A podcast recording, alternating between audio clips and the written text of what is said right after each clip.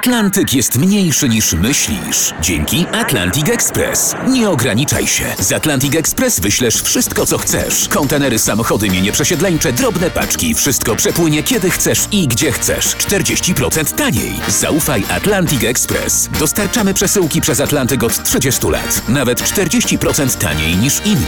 Dzwoń 1 800 775 73 63. Ekspresowo przez Atlantyk. Tylko z Atlantic Express.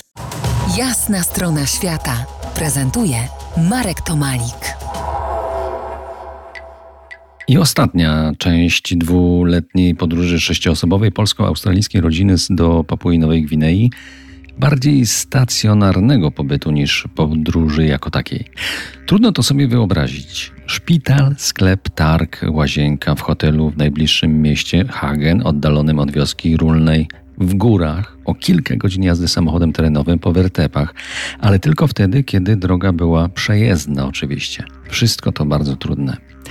Wielości chorób, gdzie interwencja szpitalna była nieodzowna, nie będę tutaj namnażał, bo tereny, gdzie mieszkali, to w wylęgarniach wszelakich chorób tropikalnych. Tych interwencji było było wiele, bo wiele razy zdrowie dzieci było zagrożone, życie wisiało na włosku. Między innymi syn Miszka zachorował na mononukleozę, a jednak wszyscy przeżyli.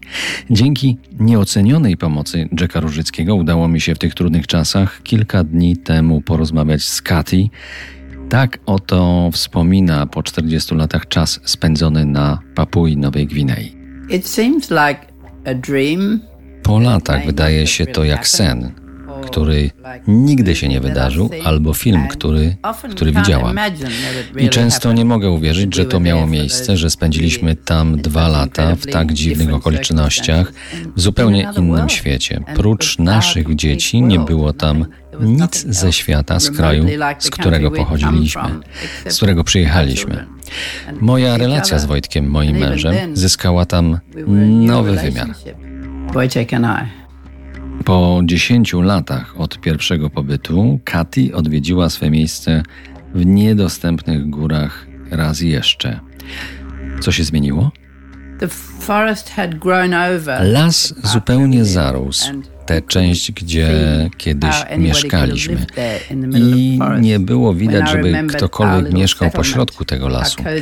Jak pamiętam tę naszą osadę, to przytulna była z małymi trawiastymi chatkami, bulgotanie rzeki tuż obok i wiedzieliśmy o każdym, kto przechodzi obok.